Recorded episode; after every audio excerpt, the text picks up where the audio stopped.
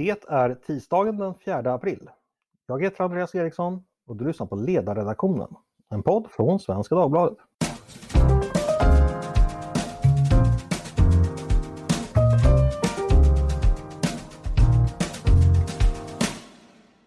Varmt välkomna ska ni vara!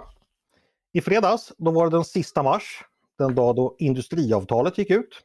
Och ganska sent på dagen stod det klart att parterna hade undertecknat ett nytt avtal med ett nytt så kallat märke. Det tänkte jag vi skulle prata om i dagens podd. Och om ni är sådana som stänger av bara ni hör ordet parterna så vill jag vädja till er att lyssna lite till. För Det här är faktiskt väldigt intressant och väldigt viktigt för oss alla. Märket som nu alltså har satts av arbetsmarknaden, det är normerande för alla avtalsförhandlingar. Det vill säga att det är utgångspunkten för väldigt många andra avtal och väldigt många andras löner. Kanske även för era löner, ni som lyssnar. Det har en speciell historia och anses vara väldigt viktigt, inte bara för arbetsmarknaden utan för svensk ekonomi som helhet. Så idag tänkte vi skulle borra lite djupare i detta och i avtalsrörelsen i allmänhet. Och till min hjälp för att göra det har jag två gäster. Nils Karlsson från forskningsinstitutet Ratio, professor, nationalekonom och statsvetare. Välkommen hit Nils! Tack så mycket! Och Elinor Odeberg, chefsekonom på tankesmedjan Arena Idé. Välkommen du också Elinor!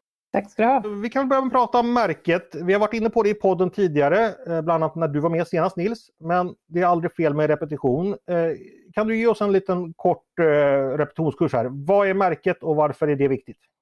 Ja, märket är, det är ett konstigt namn egentligen, men det är en lönenorm. Det är en norm för hur höga löneökningarna ska vara i olika sektorer och branscher i svensk ekonomi. Eh, vi har haft ett system då i Sverige sedan 1997. Man tecknar något som kallas för industriavtalet.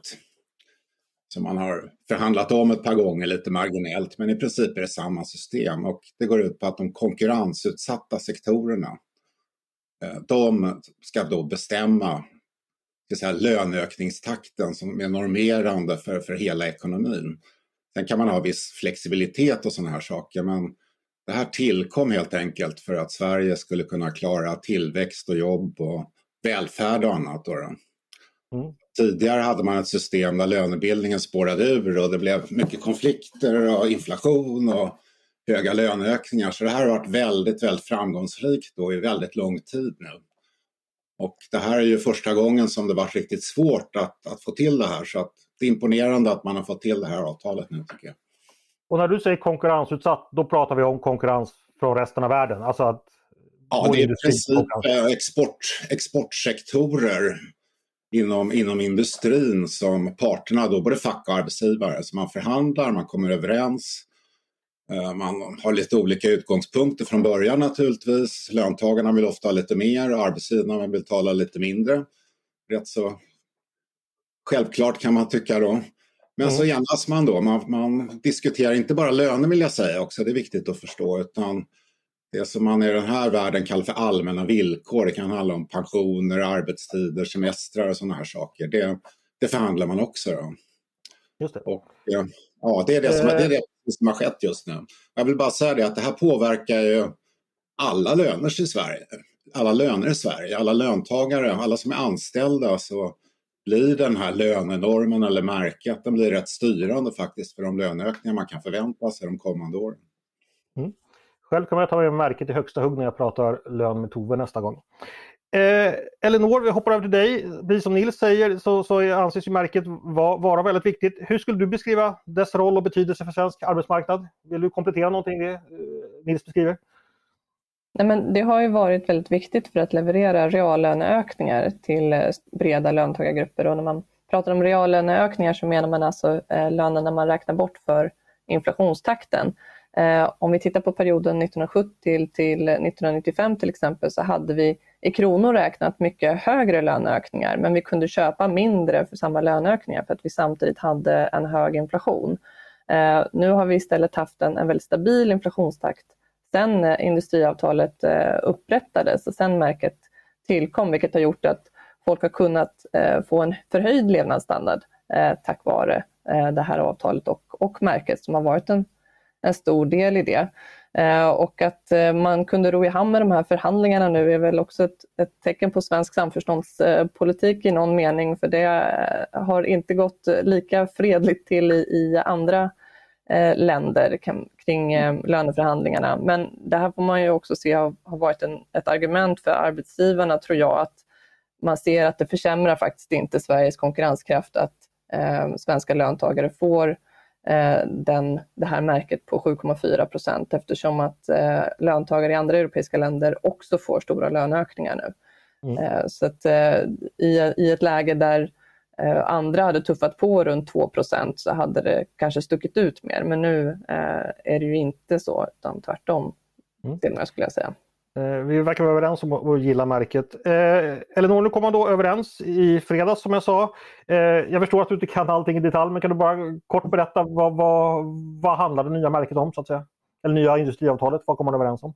Ja, men det som väl var lite nytt var att man kom fram till att det här märket eh, som ska vara normerande då för de löneökningar som ska gälla på svensk arbetsmarknad eh, gäller för två år framåt. Eh, och det här skickar ju en signal till Riksbanken också att de kan nu tydligt sätta in eh, vad deras prognoser för löneökningarna ska vara för någonting. Det kommer ligga på 7,4 procent.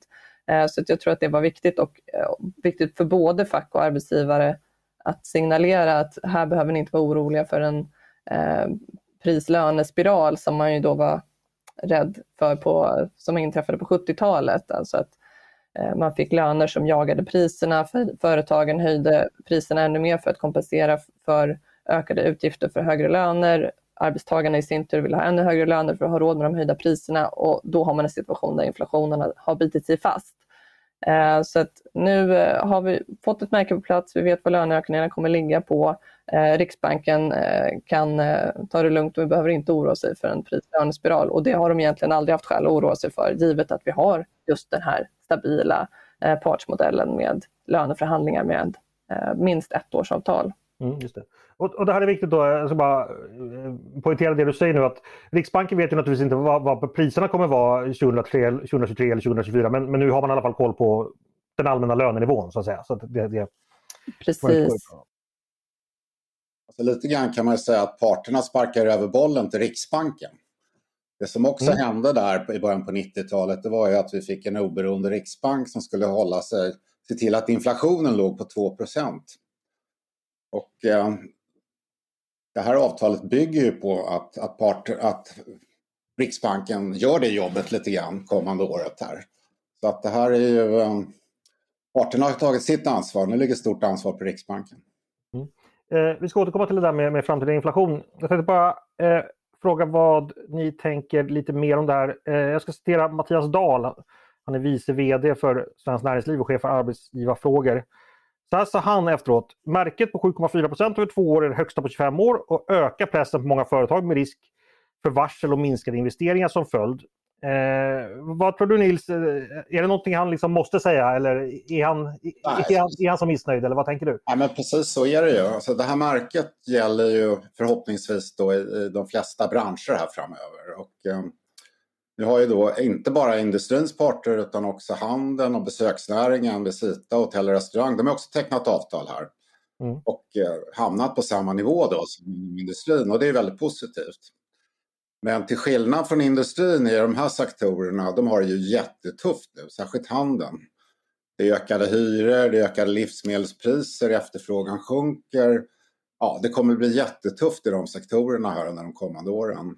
Mm. Och det här gör ju då att, att eh, ja, vissa branscher klarar det här bra skulle jag tänka mig, men för andra branscher blir det väldigt tufft. Mm. Bara för att nyansera den, bara för nyansera den bilden lite grann så eh, partihandeln, alltså framförallt livsmedelsföretagen har ju gått väldigt, väldigt bra och visat väldigt hög lönsamhet. Eh, så att eh, här tror jag att det finns goda marginaler att, att leverera de här löneökningarna och kanske till och med mer egentligen, eh, givet hur, hur man har tagit i med, med prisökningar som inte verkar riktigt ha sin grund i, i kostnadsökningar fullt ut. Eh, men det som är viktigt nu är ju att företagen inte eh, försöker priskompensera sig för de här löneökningarna utan det här faktiskt blir en reallöneökning nästa år. Eh, och det, det handlar ju om att man behöver komma tillbaka till att inflationsmålet också ska vara ett slags prisankare för företagen, att man inte eh, tar i eh, i överkant. För att företagen måste ju, det är de som sätter priserna i grunden. Kunder kan förstås försöka påverka med den begränsade konsumentmakt som de har, men i grunden så är det ju företagen, det vill säga arbetsgivarna, som sätter priserna. Eh, så att de, de, bollen ligger ju inte bara hos Riksbanken här, utan bollen ligger också hos arbetsgivarna att komma tillbaka till eh, inflationsmålet på 2 i, genom att se det också som ett ankare för prisutvecklingen. Mm. Jag tänkte att vi ska citera andra sidan också och då väljer jag eh, Susanna Gideonsson, LO-ordföranden. Hon sa till Aktuellt i politiken idag så här, så jag citerar. Vi tog ansvar genom lönekrav som inte eldar på inflationen, men det är fortfarande rejäl reallöneminskning som kommer ta år att ta igen. Låt mig vara väldigt tydlig, jag är inte nöjd med detta. Eh, Elinor, hur, hur, måste hon säga så bara eller hur missnöjd är hon? Jag tycker ändå att det här, det här är trots allt det högsta värdet eh, under hela industriavtalets period. Men det är klart att i ljuset av den här höga inflationen så äts ju en stor del av de här löneökningarna upp. Eh, och man får inte en, en förhöjd levnadsstandard trots att man också får då högre löner. I alla fall inte nu på kort sikt. Det är ju väldigt osäkert hur den här inflationen eh, kommer att utvecklas. Eh, men jag tror att hon, eh, hon ser ju att historiskt har ju löneandelen minskat i förhållande till vinstandelen. Och med det menas att av det företagen tjänar så lägger de mer på eh, sina vinster än på de anställdas löner. Så det här är ju liksom en historisk utveckling som har pågått under lång tid. Så att, eh, arbetstagarna har ju, arbetstagarorganisationerna har ju på, då, på så vis också befunnit sig lite på defensiven. Eh, och här, här försöker man ju då ändå ta igen lite grann tror jag genom det här avtalet men det är ju långt ifrån den inflation som vi har och det är också ganska långt ifrån de vinster som företagen eh, uppvisar. För i grunden så utgår ju vår lönebildningsmodell inte från inflationen utan från produktiviteten i, i ekonomin och det är också ganska viktigt därför att man vill ju heller inte ha ett läge där inflationen är låg och så ska man inte kunna få högre löner på grund av det. Ehm, så att... Nils, vad säger du? Eh, du har förståelse för arbetsgivarsidans oro. Har du förståelse för andra sidans oro ja, också? Självklart har jag det. Det är ju ingen som tycker det är kul med reallönesänkningar och det får vi. Och skälet till det är den höga inflationen. Och det är ju inte arbetsgivarnas fel att vi har hög inflation utan det är ju en utspårad penningpolitik och, och misslyckad politik på andra områden. Så det, det, tycker jag är, det tycker jag inte stämmer helt enkelt. Utan nu har läge här där då efterfrågan på grund av inflationen naturligtvis, det, det blir mycket dyrare kommer ju sjunka i många branscher så det kommer bli tufft. Det gäller att inse det. Det är inte så att man har en massa pengar i ladorna här som man kan plocka fram utan det kommer att, jobb kommer försvinna, företag kommer att gå i konkurs. Eh, och det är inte orsakat av arbetstagarna vill jag säga, utan det är orsakat av andra politiska problem, inte bara i Sverige utan internationellt. Mm. Men, men jag vill säga det att skälet till att man ändå har tagit det här ansvaret det är ju helt enkelt att Sverige har haft väldigt fina reallöneökningar under lång tid. Alltså vanliga löntagare i Sverige har haft reallöneökningar på kanske 60-65 procent sen då det här avtalet ingicks 1997 och det här är internationellt nästan unikt faktiskt, i varje fall för att vara västvärlden. Så att alla är ju måna om den här modellen, även parter som i början, till exempel handeln som var lite tveksamma, de har ju förstått att det här är långsiktigt bra. Så att jag tycker nog att det här det är ett styrkebevis för den svenska modellen att man har, man har landat det här avtalet. Kanske lite dyrt, kanske lite för mycket låglönesatsningar och sådär men, men annars mycket imponerande tycker jag. Mm. En fråga, nu vet vi då eh, löneökningarna både i år och nästa år. Vad vi inte vet det är ju inflationen. Eh, sen den skulle fortsätta lika hög som den är nu, Elinor, då innebär det ju här två år av reallönesänkningar. Alltså, hur, hur, hur har man tänkt där från, från arbetstagarsidan? Alltså hur stor, stor risk innebär det här och vilken risk finns det för missnöje? Nej, men det är en betydande risk eh, med tanke på hur osäkert det är hur ekonomin och inflationen kommer att utveckla sig framåt. Och eh, om inflationen är hög nästa år då kommer det att eh, vara liksom ett negativt eh, bett för, för eh, arbetstagarsidan att ha, att ha gått med på ett tvåårigt avtal Samtidigt så är det ju då ändå viktigt att se att det är inte inflationen i grunden som, som ska avgöra löneökningstakten utan det är vinsterna och lönsamheten. Och svensk export som ju då är normerande, industrin, svensk industri, eh, som är normerande för, för eh, de svenska lönerna har gått väldigt, väldigt bra. Sen är det delvis dopat av att eh, kronan också är väldigt svag, eh, vilket gör att allt vi exporterar tjänar vi mer på, allt vi importerar blir dyrare och det här reflekteras ju också i våra högre matpriser. Men i grunden så går det väldigt, väldigt bra för svensk export och då är det rimligt att det reflekteras i, i högre löner. Eh, sen så är ju frågan då huruvida inflationen kommer bestå och här finns det ju också röster på den fackliga sidan som hade kanske velat se ett kortare avtal eh, i ljuset av de här osäkerheterna. Samtidigt så tror jag att både arbetstagarorganisationer och arbetsgivare ser en stor vinst i att signalera till Riksbanken att här behöver ni inte oroa er för några osäkerheter.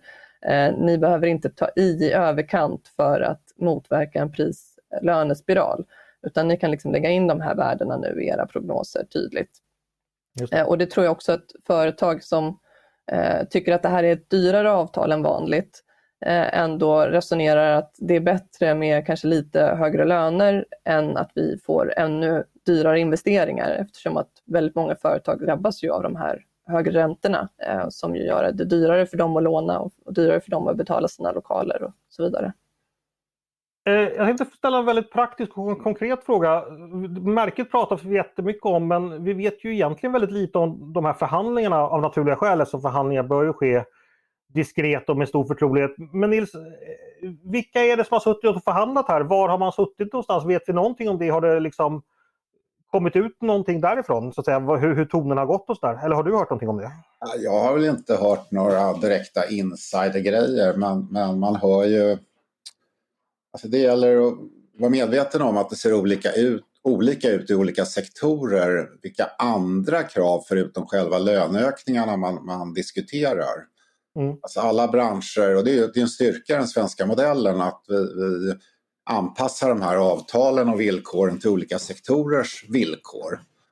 Och eh, då finns det väl, eh, det är inte klart nu, jag ville säga det, utan det finns ju avtal, massor av avtal kvar. Det här kommer pågå hela året faktiskt. Mm. Men det är den stora, stora skjutsen i slutet av april här och då finns det till exempel inom byggsektorn avtal där jag tror det kommer bli problematiskt och det finns andra avtal som kan bli stökiga, transportsektorn till exempel.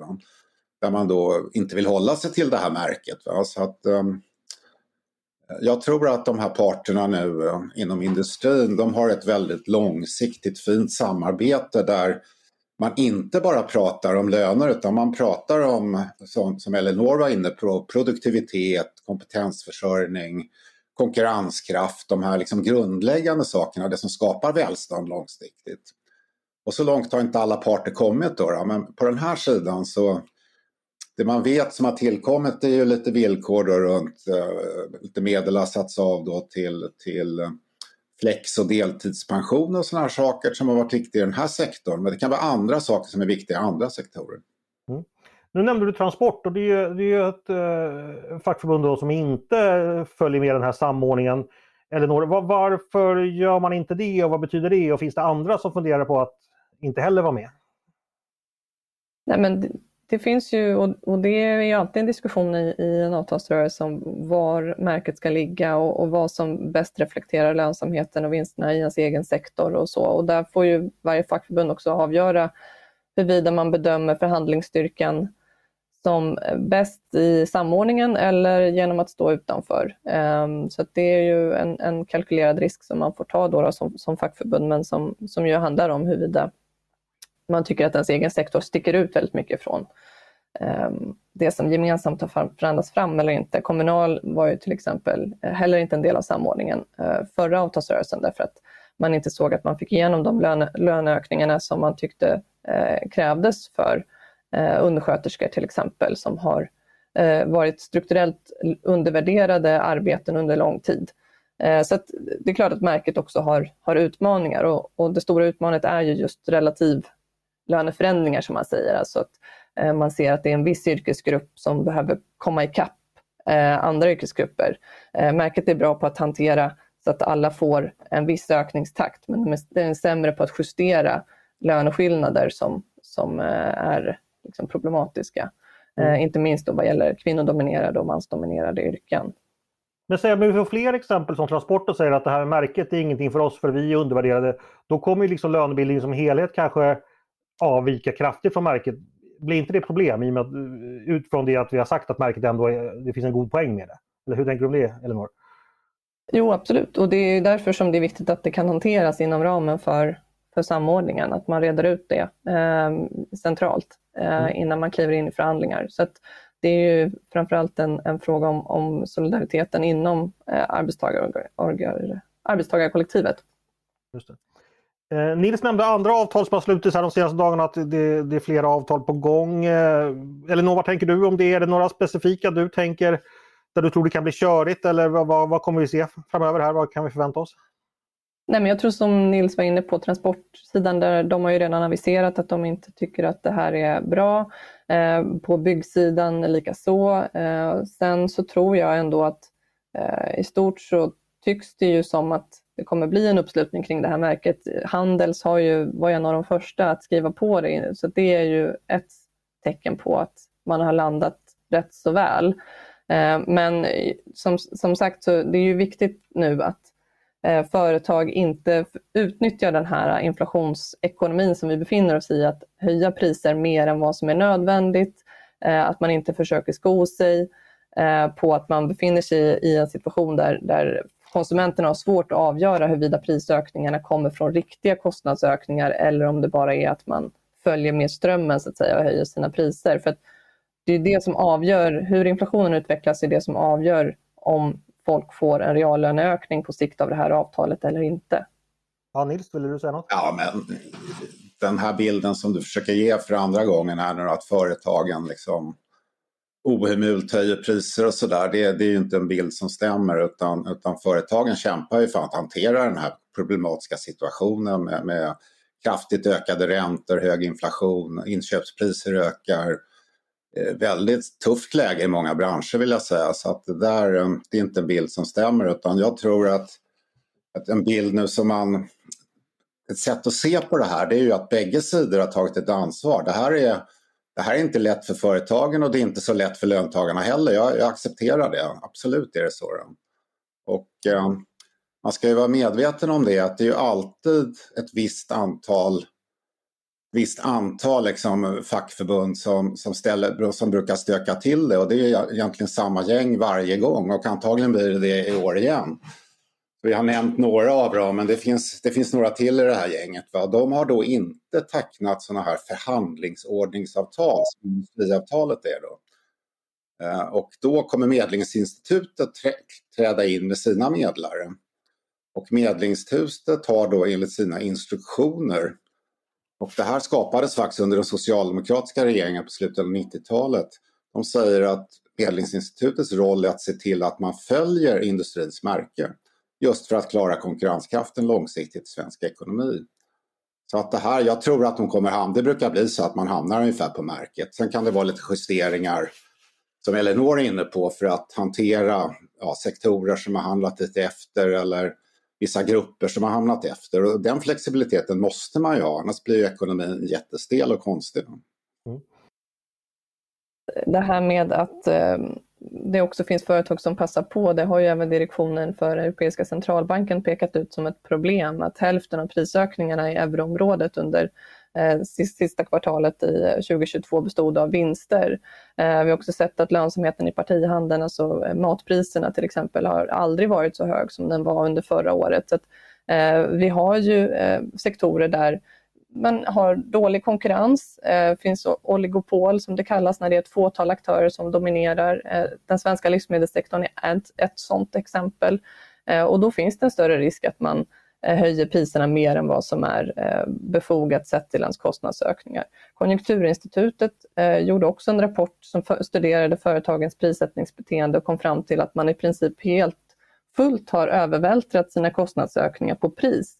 Och det här var någonting som eh, även Riksbankens direktion har reagerat på, för så brukar inte företag bete sig. När företag får en kostnadsökning så brukar de värja sig för att höja priset för att man vet att det liksom slår tillbaka för det mesta. Det är inte temat för dagen men jag, jag håller inte alls med om den här bilden. Det finns undersö andra undersökningar som visar precis motsatsen. Så. Jag förnekar inte att inflationen är importerad men, eh, men eh, det, det finns också de här elementen som är riskfyllda i en inflationsekonomi. Okay.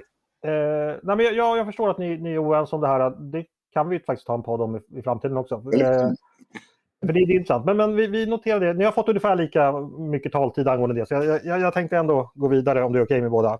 Yes.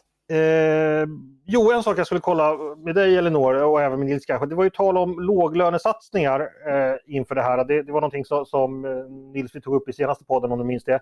Nu, nu förstår jag att det blir så, men först nästa år. Eh, Elinor, varför har låglönesatsning varit viktig för facket och betyder det någonting att, att det dröjer eller är det bara en, en mindre sak i sammanhanget? Det är såklart viktigt i ett läge där de med de minsta ekonomiska marginalerna är de som drabbas hårdast av inflationen. Att de får en, en löneökning som, som åtminstone hjälper lite grann, även om det som sagt ändå är en reallönesänkning. Eh, så det är ju naturligt att det är de grupperna som, som arbetstagarorganisationerna väljer också att prioritera i, i sina förhandlingar för att man solidariskt ställer upp för varandra helt enkelt i den här höga inflationen. Mm. Eh, Nils, du nämnde inledningsvis att det eh, ibland, att, eller var det någon, någon av er nämnde att det, det här, den här gången hade det varit stökigt men man kom ändå i hamn.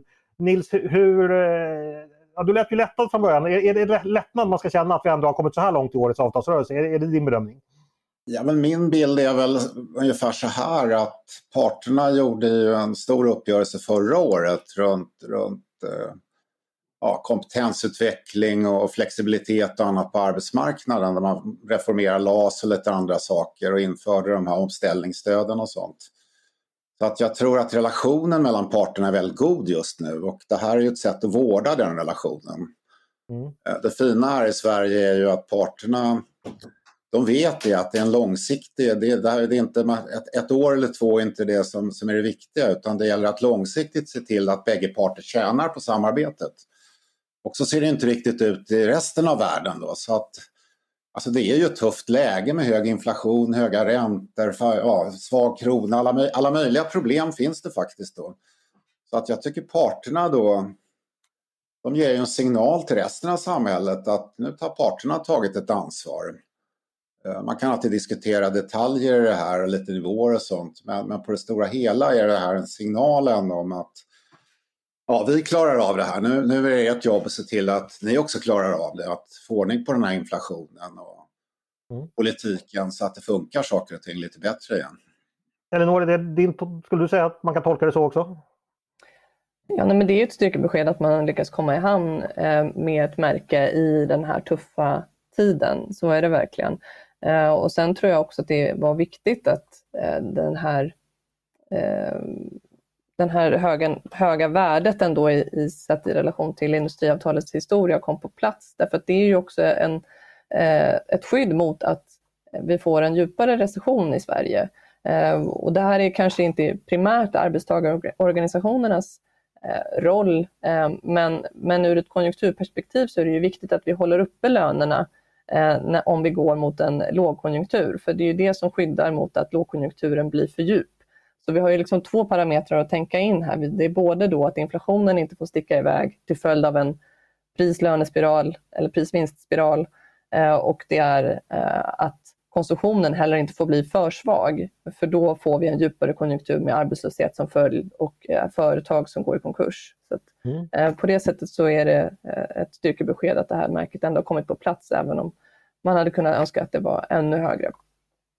Jag, jag, jag brukar säga att glaset är halvfullt och jag tar vidare det ni är eniga om att det här är i alla fall en liten seger för märket och den svenska partsmodellen helt enkelt som har visat styrka. Eh, tänkte ta avrunda, jag tänkte bara, är det någonting annat ni skulle vilja tycka att lyssnarna har med sig här när man fortsätter följa avtalsrörelsen som är viktigt att komma, ihåg? Eh, ja, Nils, har du någonting du, du vill tillägga? Det jag tycker är viktigt, nu har vi suttit och pratat om de här procentenheterna som man centralt har kommit överens om.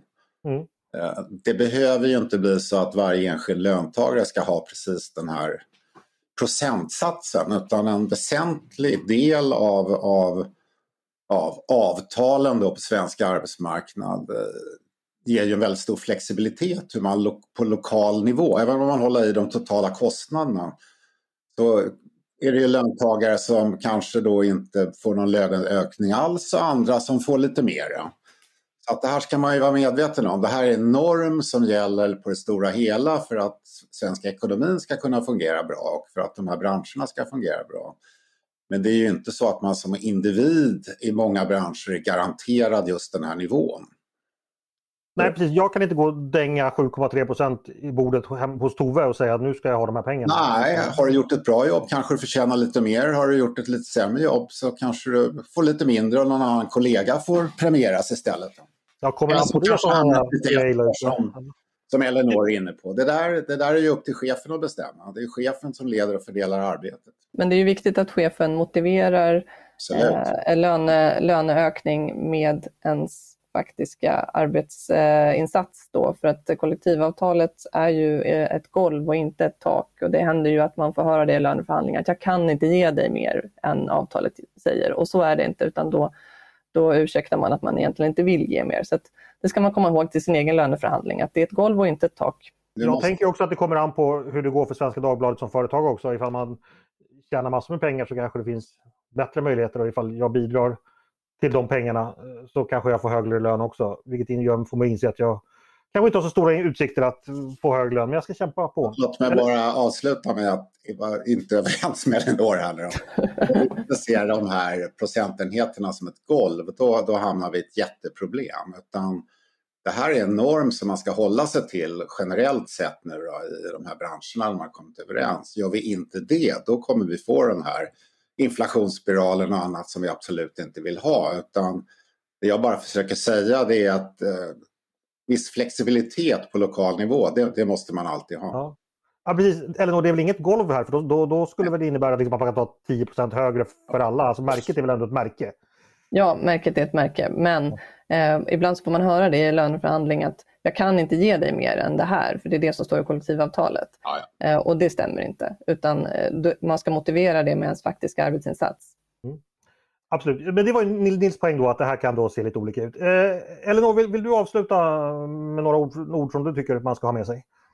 Nej, men, eh, det som jag tycker att man ska hålla ögonen på är ju att vi har ju en hel del sifferlösa avtal på arbetsmarknaden. Eh, och då betyder det att man har en, i praktiken en decentraliserad lönebildning där man förhandlar då lokalt med sin arbetsgivare om sina löneökningar. Eh, och eh, här finns det ju en risk att de som har marknadskrafterna i ryggen, de som har stark förhandlingsposition på arbetsmarknaden, kan inflationskompensera sig eh, fullt ut medan andra inte riktigt kan det. Eh, och får, vi en, får vi en situation där de på de sifferlösa avtalsområdena drar iväg då har liksom arbetarna, de med de eh, egentligen lägsta lönerna, eh, varit de som fått tagit ansvar för att eh, inte inflationen ska bita sig fast och för att vi inte ska få en prislönespiral. Så det är viktigt att det här eh, kommer gälla för hela löntagarkollektivet och det är det här man kallar för löneglidningar så att det blir en, en glidning från, från det som avtalats eh, från märket och det har eh, om vi tittar bakåt, eh, varit mer till tjänstemännens fördel än till arbetares fördel. Och inte minst inom offentlig sektor så finns det här problemet. Ehm, så det, det är någonting som, som kommer i nästa led och som, som är viktigt eh, att hålla ögonen på. Mm. Okej, eh, men vad bra. Då fick vi lära oss lite mer om märket och så fick vi också lite politisk diskussion. Det var jätteintressant att ha er här. Stort tack Elinor Odeberg och Nils Karlsson för att ni ville komma och prata med mig idag. Tack så mycket! Tack. Och tack till er som har lyssnat också. Och jag ska ju självklart säga nu att jag är väldigt nöjd både med anställningsförhållanden och, och lönen på Svenska Dagbladet. Så, eh, vi får hoppas ingen... att vi har bidragit till eh, höga lyssnartal så att du kan ha det i ryggen till dina, din förhandling. Och så hoppas jag att Tove inte vidtar stridsåtgärder i form av lockout eller liknande mot jag inte får komma in på kontoret imorgon. Nej, eh, jag är faktiskt väldigt nöjd med min lön och jag har framförallt världens roligaste jobb vilket gör att jag är svår att löneförhandla med. För att så att säga. Jag ledarredaktionen brukar stå lite vid sidan om sådana här konflikter faktiskt. Ja, upp, det har inte varit så mycket arbetsmarknadskonflikter på Svenska Dagbladets ledarredaktion. Rykten om dem är betydligt överdriven kan jag säga. Men hörni, eh, stort tack för att ni har lyssnat på ledarredaktionen, en podd från Svenska Dagbladet. Ni är varmt välkomna att höra av er till oss med tankar och synpunkter på det vi precis har diskuterat. Eller om ni har idéer och förslag på det vi ska ta upp i framtiden. Bara mejla då till ledarsidan snabel svd.se. Dagens producent, han heter Jesper Sandström. Själv heter jag Andreas Eriksson och jag hoppas att vi hörs igen snart.